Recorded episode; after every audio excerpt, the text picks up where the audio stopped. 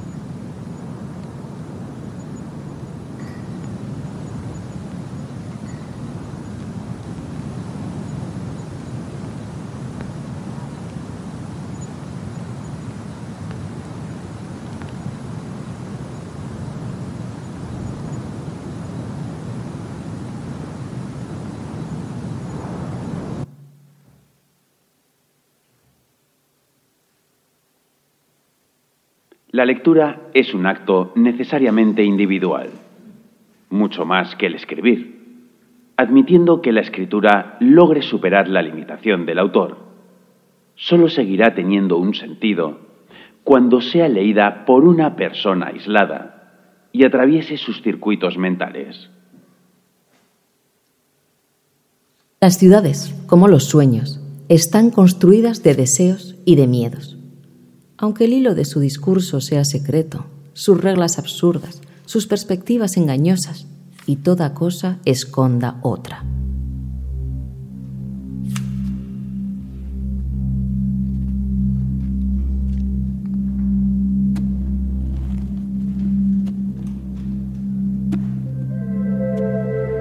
Bienvenidos y bienvenidas a Firma.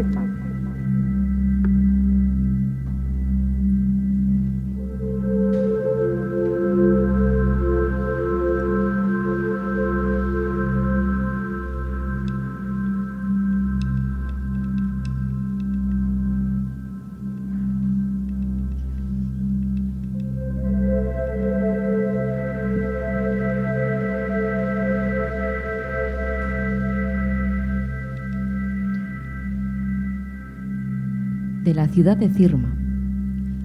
Los viajeros vuelven con recuerdos muy claros. Un negro ciego que grita en la multitud. Un loco que se asoma por la cornisa de un rascacielos.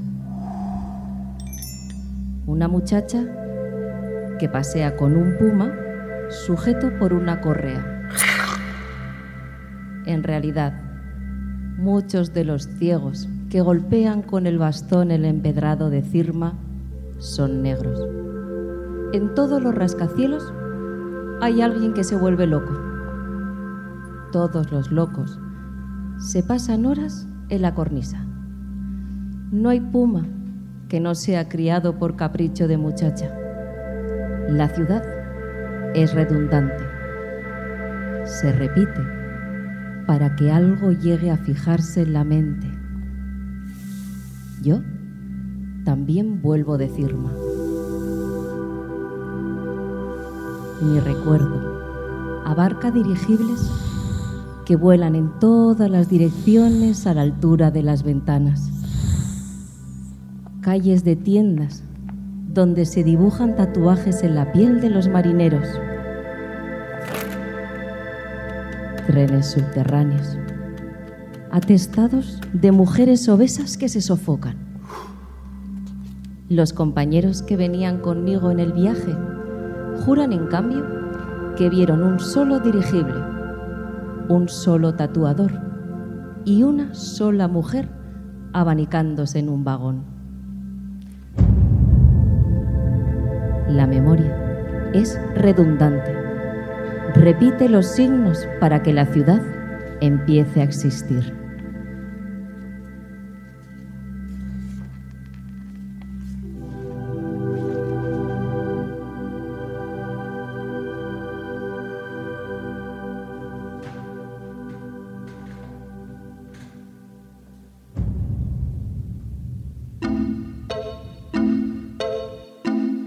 Bienvenidos y bienvenidas a Maurilia. En Maurilia se invita al viajero a visitar la ciudad y al mismo tiempo a observar viejas tarjetas postales que la representan como era antes. La misma plaza idéntica con una gallina en el lugar de la estación de autobuses. El kiosco de música en el lugar del puente. Dos señoritas con sombrilla blanca en el lugar de la fábrica de explosivos. Para no decepcionar a los habitantes, hace falta que el viajero elogie la ciudad de las postales y la prefiera a la presente, aunque cuidándose de contener dentro de límites precisos su pesadumbre ante los cambios, reconociendo que la magnificencia y prosperidad de Maurilia, convertida en metrópoli, comparada con la vieja Maurilia provinciana, no compensan cierta gracia perdida, que sin embargo se puede disfrutar ahora solo en las viejas postales, mientras que antes, con la Maurilia provinciana delante de los ojos, de gracioso, no se veía realmente nada. Y mucho menos se vería hoy si Maurilia hubiese permanecido igual.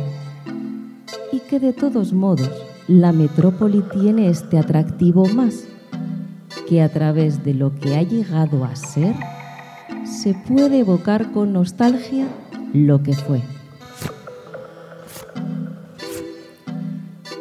Hay que guardarse de decirles que a veces ciudades diferentes se suceden sobre el mismo suelo y bajo el mismo nombre, que nacen y mueren sin haberse conocido, incomunicables entre sí.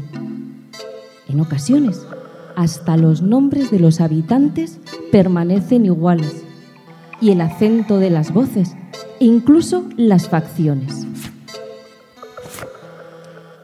Pero los dioses que habitan bajo, esos nombres y en esos lugares se han marchado sin decir nada.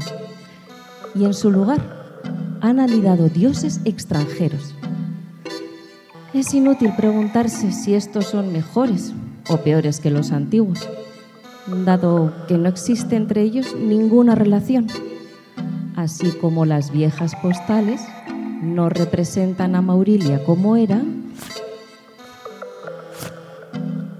sino a otra ciudad que por casualidad se llamaba Maurilia como esta.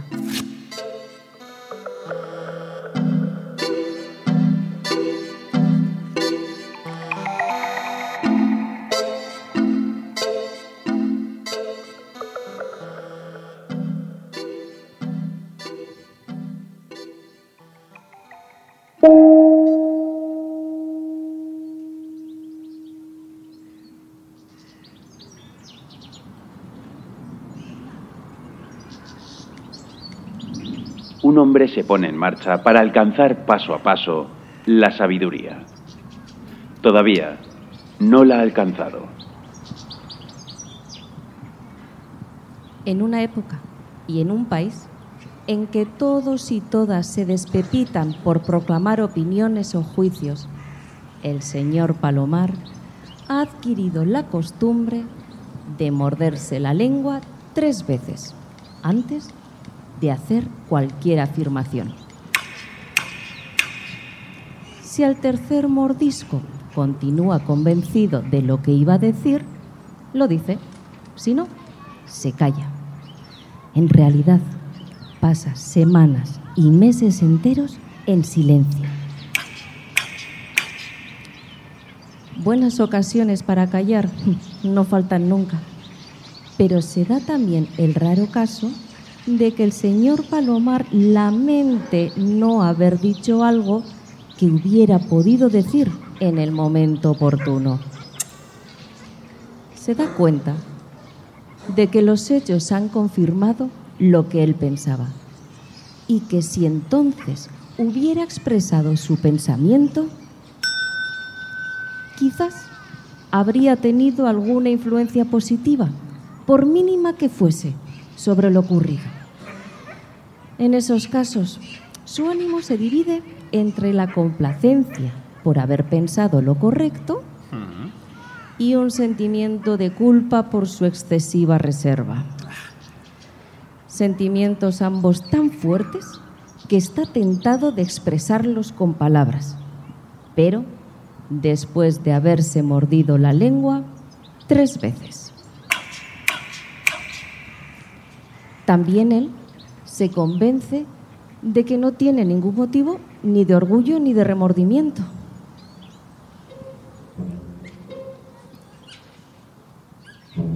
Haber pensado correctamente no es un mérito.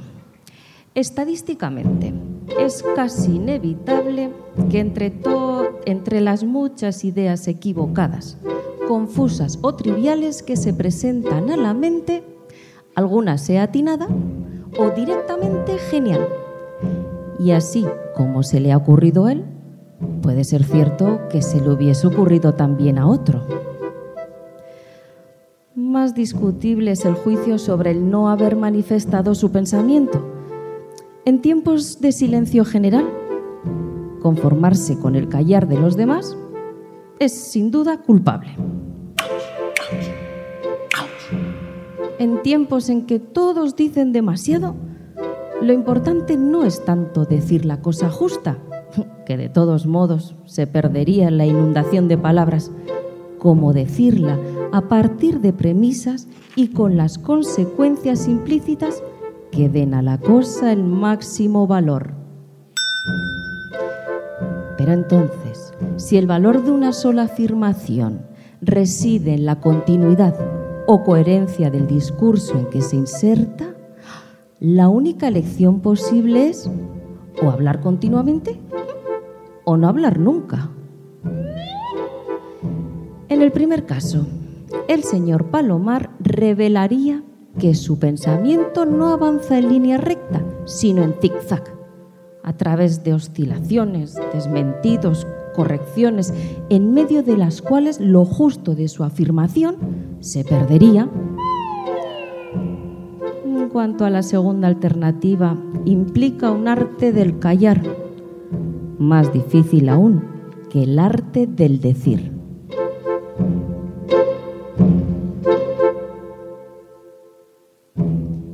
En realidad, el silencio también puede ser considerado un discurso, en cuanto rechazo del uso que los otros hacen de la palabra, pero el sentido de este silencio discurso está en sus interrupciones, esto es, en lo que de vez en cuando se dice y que da un sentido a lo que se calla. Mejor aún, un silencio puede servir para excluir ciertas palabras, o si no, para tenerlas en reserva a fin de que se puedan usar en una ocasión mejor. Así como una palabra dicha ahora puede ahorrarse cien mañana o bien obligarme a decir otras mil. Cada vez que me muerdo la lengua. Concluye mentalmente el señor Palomar. Debo pensar no solo en lo que estoy por decir o no decir, sino en todo lo que si digo o no digo, será dicho o no dicho por mí o por otros. Formulando este pensamiento, se muerde tres veces la lengua y se queda callado.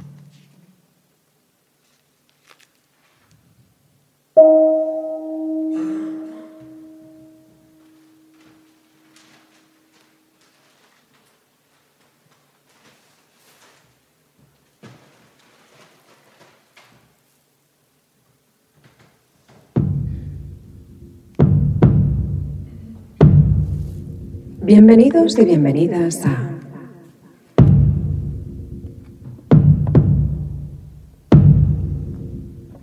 Baucis.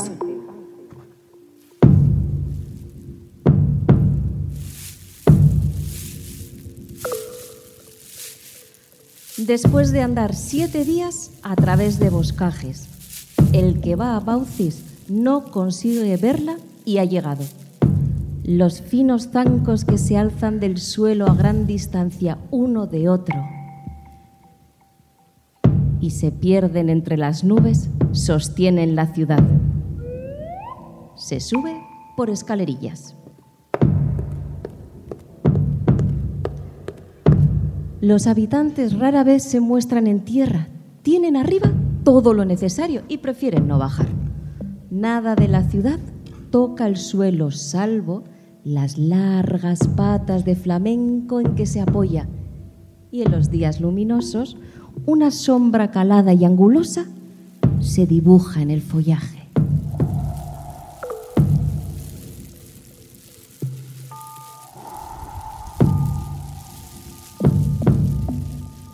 Tres hipótesis circulan sobre los habitantes de Baucis, que odian la tierra que la respetan al punto de evitar todo contacto o que la aman tal como era antes de ellos. Y con catalejos y telescopios apuntando hacia abajo no se cansan de pasarle revista, hoja por hoja, piedra por piedra, hormiga por hormiga, contemplando fascinados su propia ausencia.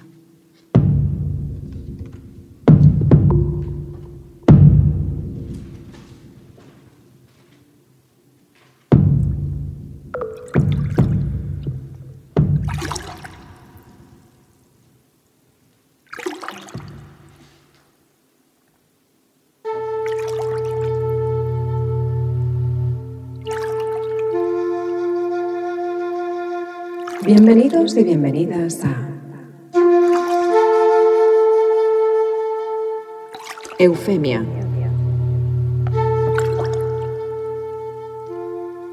A 80 millas del Pro, al viento maestral, se llega a la ciudad de Eufemia, donde los mercaderes de siete naciones se reúnen cada solsticio y cada equinoccio la barca que fondea con una carga de jengibre y algodón en rama volverá a zarpar con la estiva llena de pistacho y semillas de amapola. Y la caravana, que acaba de descargar costales de nuez moscada y uvas pasas, rellena sus albardas para la vuelta con rollos de muselina dorada. Pero lo que impulsa a remontar ríos y atravesar desiertos para venir hasta aquí no es solo el intercambio de mercancías que encuentras iguales en todos los bazares, desparramadas a tus pies sobre las mismas esteras amarillas, a la sombra de las mismas cortinas espantamoscas, ofrecidas con las mismas engañosas rebajas de precio. No solo a vender y comprarse viene Eufemia, sí, también porque de noche, junto a las hogueras que rodean al mercado, sentados sobre costales o barriles, o tendidos sobre pilas de alfombras, a cada palabra, a cada palabra que dice uno como lobo, hermana, tesoro escondido, batalla, sarna, amantes.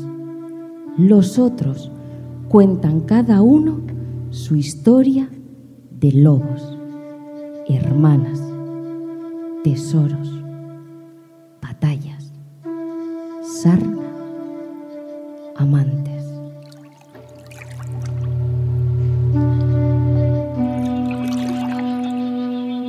Y tú sabes que en el largo viaje de vuelta que te espera, cuando para permanecer despierto en el balanceo del camello o de la barca, se empiezan a evocar de uno en uno los propios recuerdos,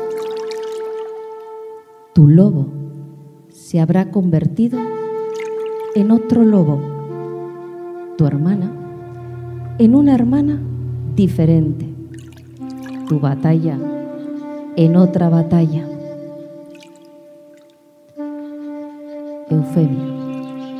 La ciudad donde en cada solsticio y cada equinoccio intercambiamos nuestros recuerdos.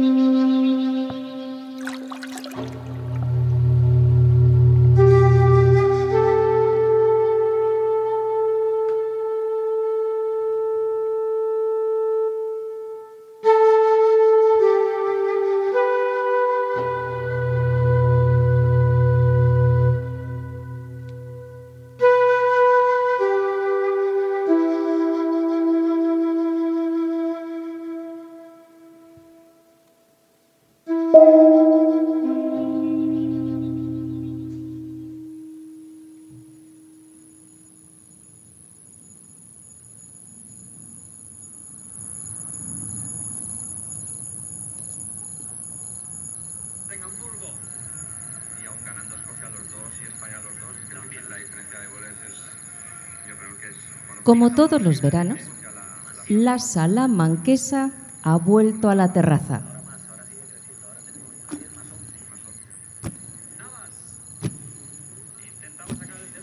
Un punto de observación excepcional le permite al señor Palomar verla no de espaldas como estamos acostumbrados desde siempre a ver salamanquesas o lagartos, sino de panza.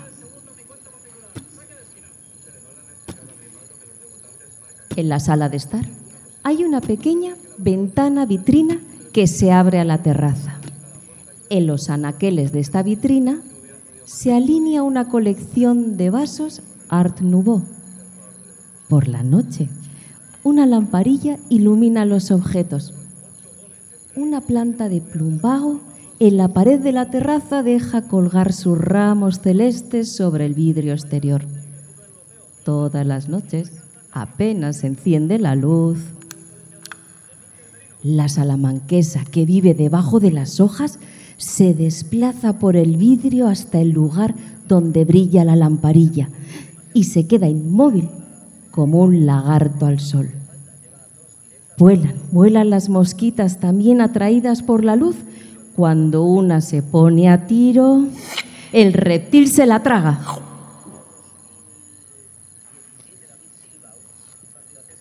El señor Palomar y la señora Palomar terminan cada noche por desplazar sus sillones de la televisión y colocarlos junto a la vitrina. Desde el interior de la habitación contemplan el perfil blanquecino del reptil sobre el fondo oscuro. La elección entre televisión y salamanquesa no siempre ocurre sin incertidumbre. Cada uno de los dos espectáculos da informaciones que el otro no da. La televisión se mueve por continentes recogiendo impulsos luminosos que describen la faz invisible de las cosas. La salamanquesa, en cambio, representa la concentración inmóvil y el aspecto oculto, el revés de lo que se muestra a la vista.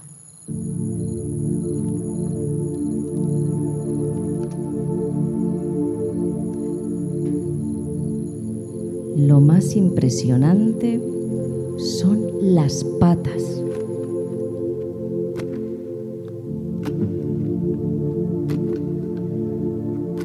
Verdaderas manos, de dedos suaves, todo yema, que apretadas contra el vidrio se adhieren con sus minúsculas ventosas.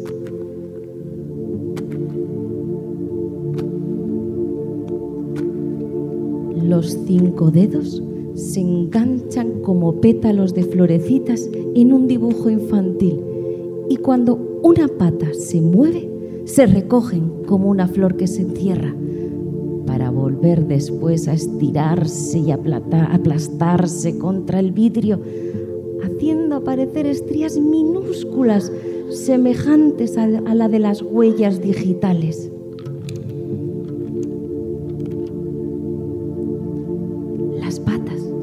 Replegadas parecen más que rodillas, puros codos, muelles, capaces de levantar el cuerpo.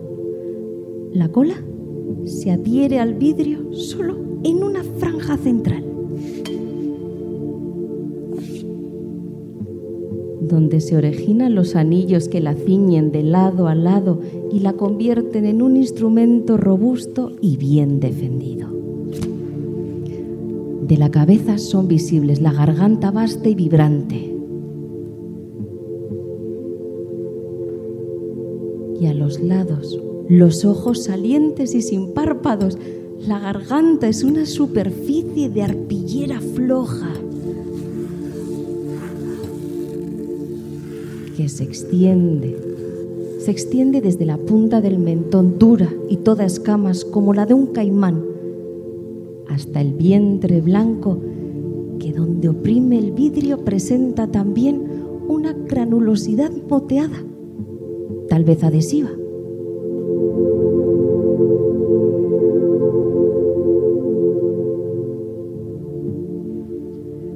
Cuando una mosquita pasa cerca de la boca de la salamanquesa, la lengua salta y traga. Fulminante dúctil, prensil, privada de forma y capaz de asumir cualquiera. Con todo, Palomar no está nunca seguro de haberla visto o no. Lo que ciertamente ve ahora es la mosquita dentro de la garganta del reptil. El vientre, apretado contra el vidrio iluminado, es transparente, como visto con rayos X, se puede seguir la sombra de la presa en su trayecto a través de las vísceras que la absorben. Si todas, si todas las materias fueran transparentes, el suelo que nos sostiene, la envoltura que ciñe nuestros cuerpos, todo parecería no un aletear de velos impalpables, sino un averno de trituraciones e ingestiones.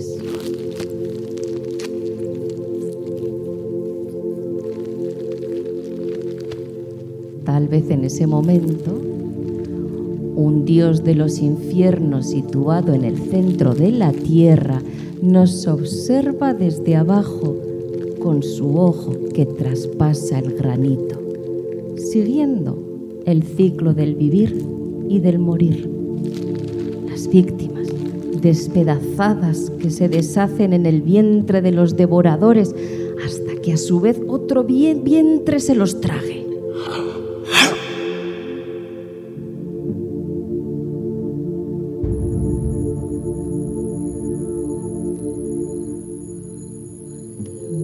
Salamanquesa permanece inmóvil durante horas.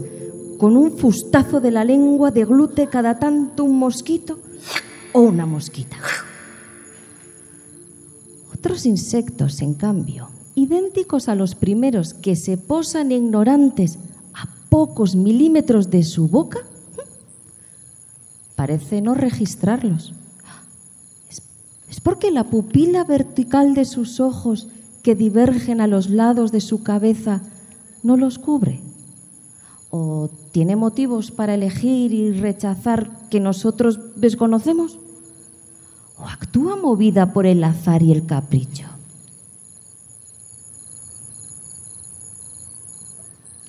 La segmentación en anillos de las patas y la cola, las minúsculas placas granulosas que puntean su cabeza y su vientre, dan a la salamanquesa una apariencia de artefacto mecánico.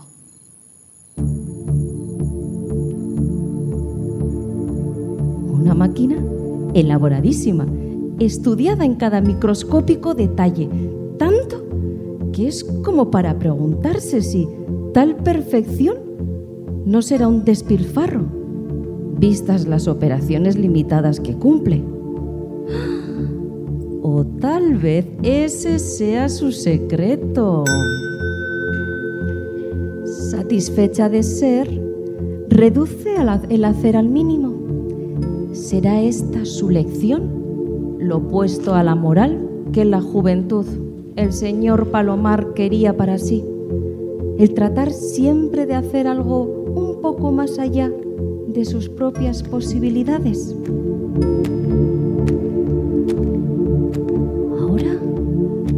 Se le pone a tiro una despistada mariposita nocturna. ¿La ignora? ¿La ignora? No. También la atrapa. La lengua. La lengua se transforma en una red de cazar mariposas y la mete dentro de la lengua. Cabe entera, la escupe, estalla. No, la mariposa está ahí, en la garganta, palpita, maltrecha, pero todavía entera, no tocada por la ofensa de los dientes masticadores. Ahora supera las angustias del gaznate. Es una sombra que inicia el viaje lento y trabajoso hacia abajo por un esófago hinchado. Salamanqueta, la salamanquesa que ha salido de su impasibilidad, bloquea, agita su garganta convulsa, se bambolea sobre las patas y la cola, retuerce el vientre sometido a dura prueba. ¿Tendrá bastante por esta noche? ¿Se marchará? ¿Era esta la culminación de todos los deseos que, estaba, que esperaba satisfacer?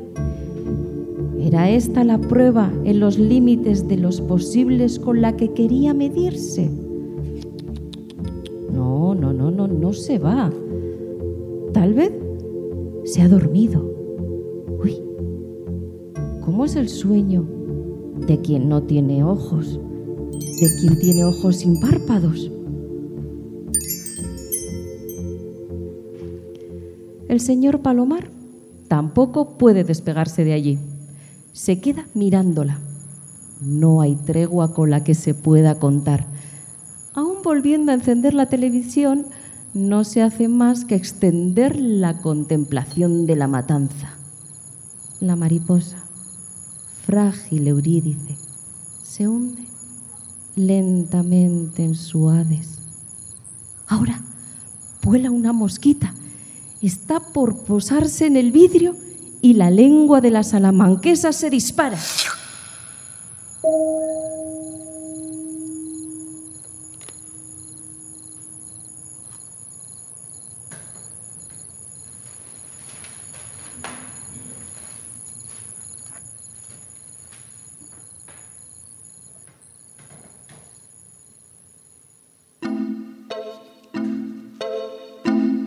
Bienvenidos y bienvenidas a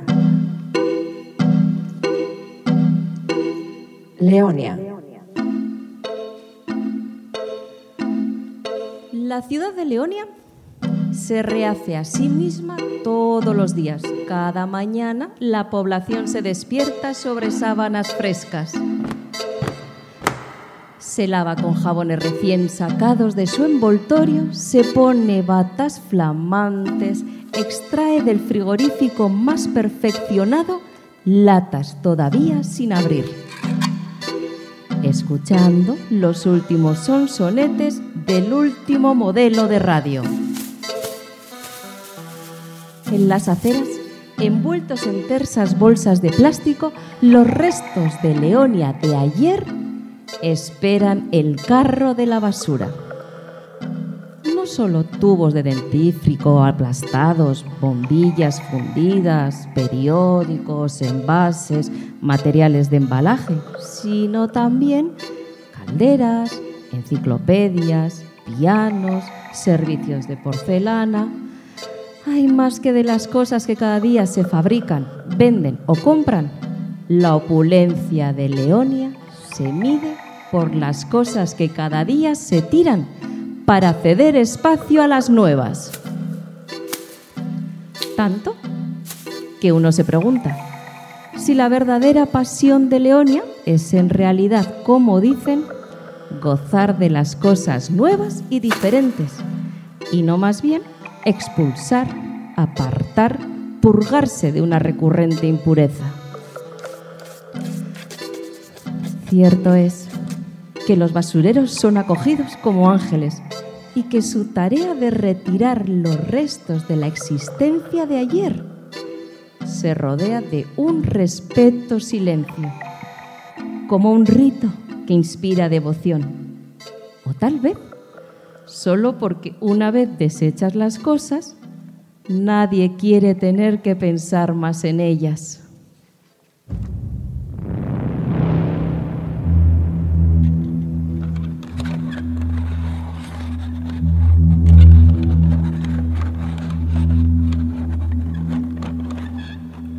¿Dónde llevan cada día su carga los basureros? Nadie se lo pregunta. Fuera de la ciudad, está claro. Pero de año en año, la ciudad se expande y los vertederos deben retroceder más lejos. El volumen de los desperdicios aumenta y las pilas se levantan, se estratifican, se despliegan en un perímetro cada vez más vasto.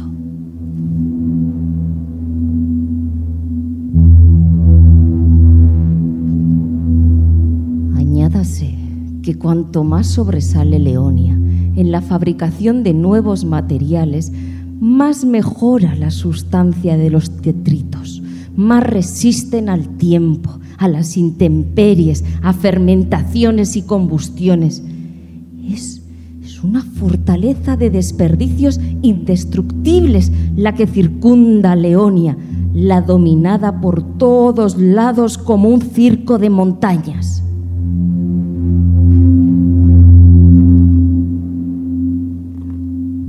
El resultado es este, que cuantas más cosas expele Leonia, las escamas de su pasado se sueldan en una coraza que no se puede quitar.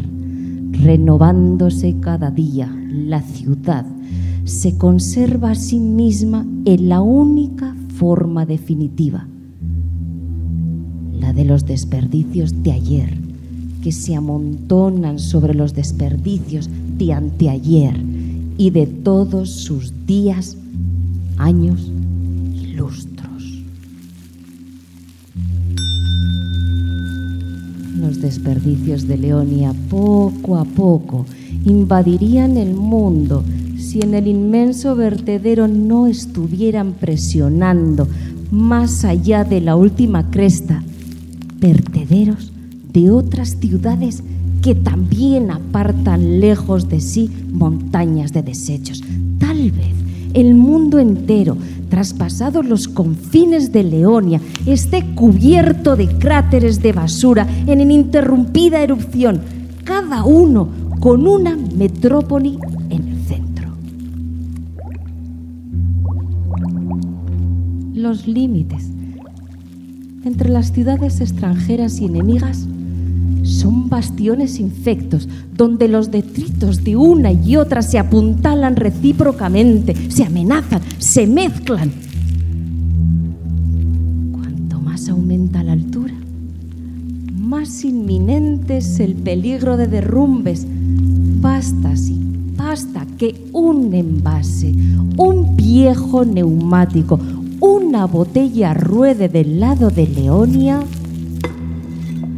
para que una luz de zapatos desparejados, calendarios de años anteriores, flores secas, sumerjan la ciudad en el propio pasado que en vano trataba de rechazar, mezclado con el de las ciudades limítrofes, finalmente limpias, un cataclismo nivelará la sórdida cadena montañosa, borrará toda traza de metrópoli siempre vestida con ropa nueva.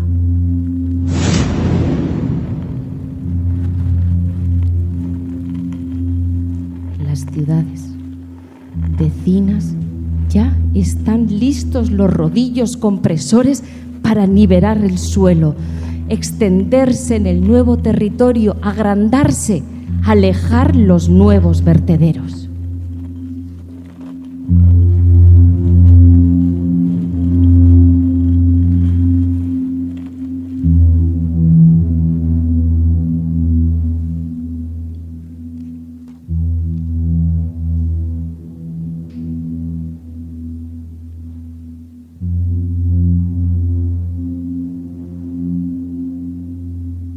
Cuando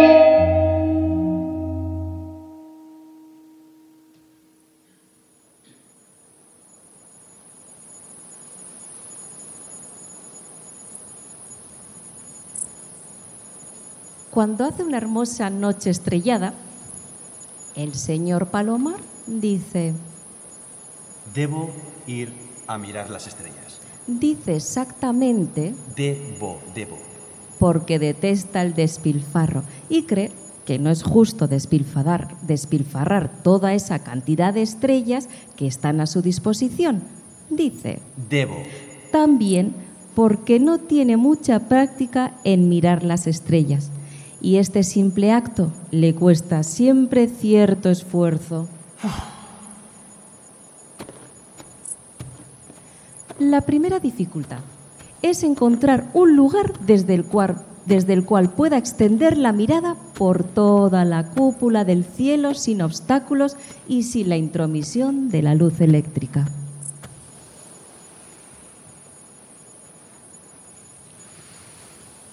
Por ejemplo, una playa marina solitaria. Otra condición necesaria es llevar un mapa astronómico, sin el cual no sabría qué está mirando, pero de una vez a otra olvida cómo orientarlo y primero tiene que ponerse a estudiarlo durante media hora.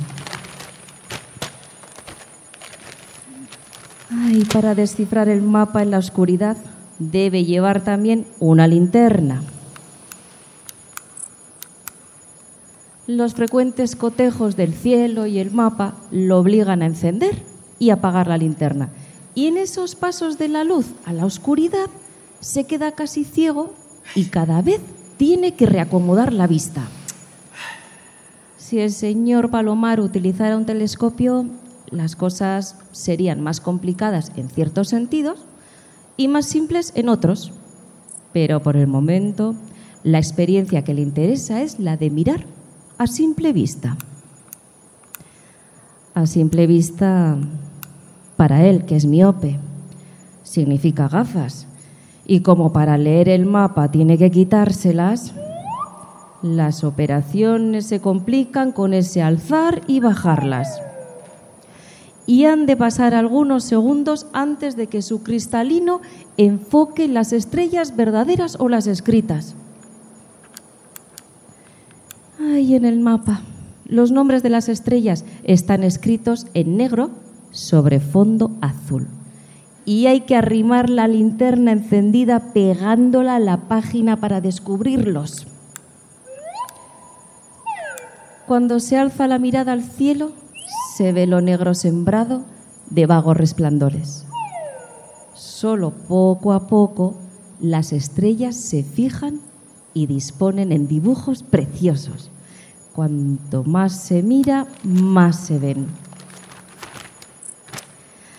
Añádase que los mapas celestes que él necesita consultar son dos y hasta cuatro.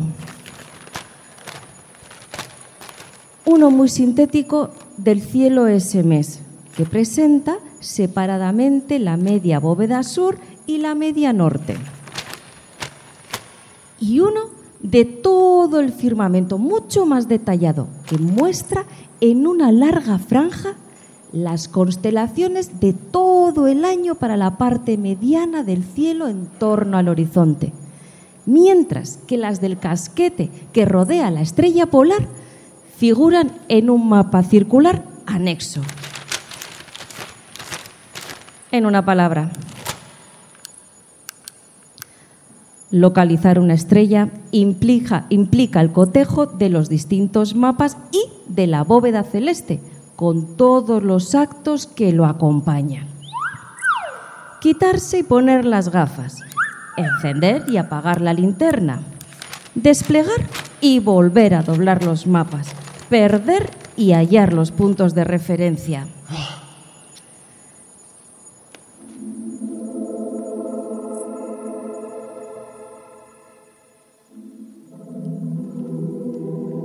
Esta noche, el cielo parece mucho más atestado que cualquier mapa.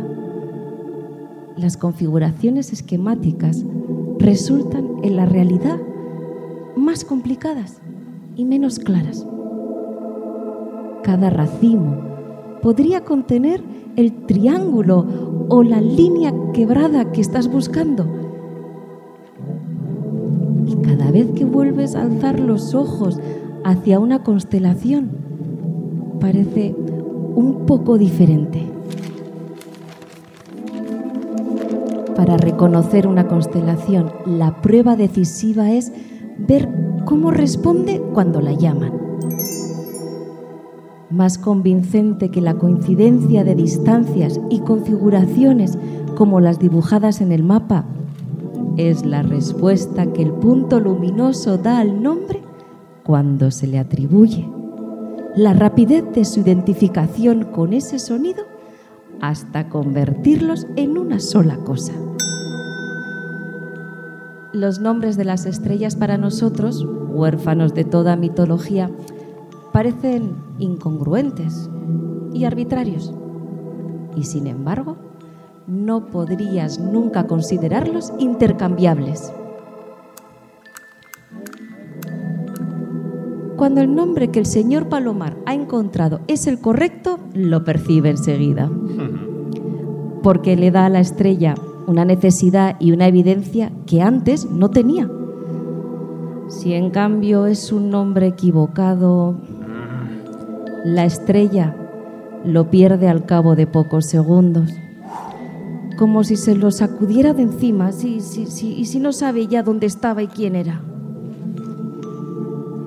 En varias oportunidades el señor Palomar decide que la cabellera de Berenice, constelación que él ama, es este o aquel enjambre luminoso.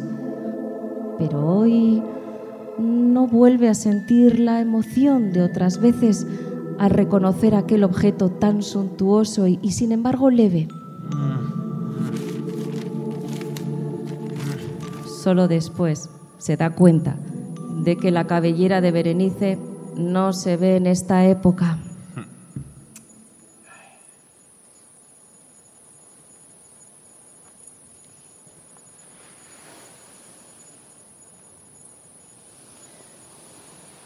Una ancha parte del cielo está atravesada por estrías y manchas claras. La Vía Láctea cobra en agosto una consistencia densa y se diría que desborda de su alveolo. Lo claro y lo oscuro están tan mezclados que impiden el efecto de perspectiva de un abismo negro, en cuya vacía lontananza sobresalen en relieve las estrellas. Todo queda en el mismo plano, centelleo, nube plateada y tinieblas. ¿Es esta la exacta geometría de los espacios siderales a la que tantas veces el señor Palomar ha sentido la necesidad de acudir para separarse de la Tierra, lugar de las complicaciones superfluas y de las aproximaciones confusas? Al estar realmente en presencia del cielo estrellado, todo parece escapársele.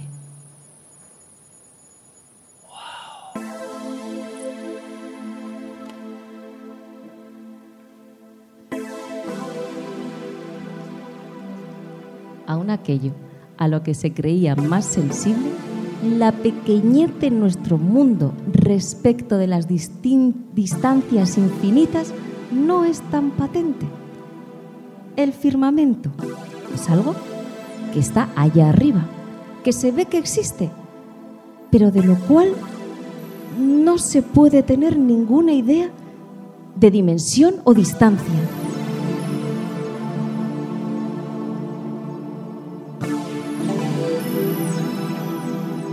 Si los cuerpos celestes están cargados de incertidumbre, no queda sino fiarse de la oscuridad, de las regiones desiertas del cielo. ¿Qué puede haber más estable que la nada?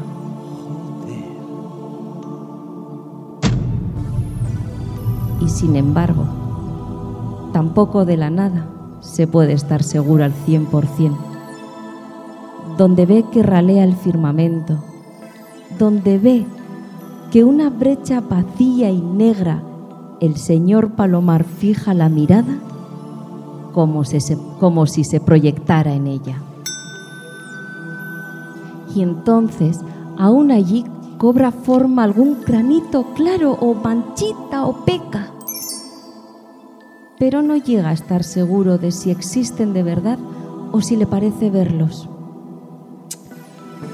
Tal vez es un fulgor como los que se ven girar cuando se tienen los ojos cerrados. Tal vez sea un reflejo de sus gafas, pero podría también ser una estrella desconocida que emerge de las profundidades más remotas. Esta observación de las estrellas transmite un saber inestable y contradictorio, piensa Palomar todo lo contrario del que sabían extraer los antiguos. ¿Será porque su relación con el cielo es intermitente y agitada y no una serena costumbre? Abrumado, inseguro, se agita sobre los mapas celestes como, como sobre los horarios de trenes trashojados en busca de un transbordo. Ahora una flecha resplandeciente surca el cielo. ¿Un meteorito? Estas son las noches en que es más frecuente ver estrellas fugaces. Ah, pero muy bien, podría ser un avión de línea iluminado. La mirada del señor Palomar se mantiene vigilante, disponible, desprendida de toda certeza.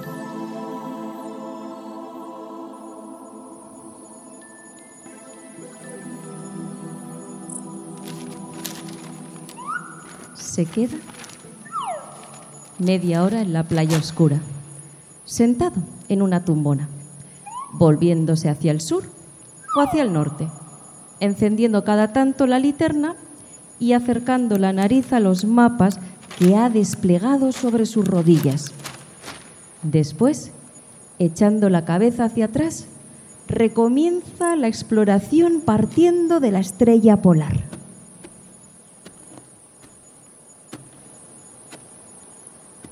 Uy, sombras silenciosas empiezan a moverse en la arena.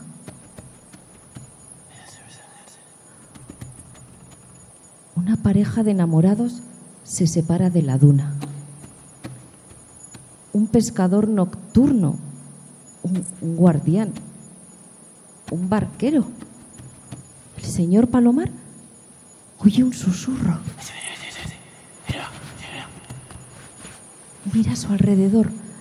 A pocos pasos se ha formado una pequeña multitud que observa sus movimientos como las convulsiones de un demente.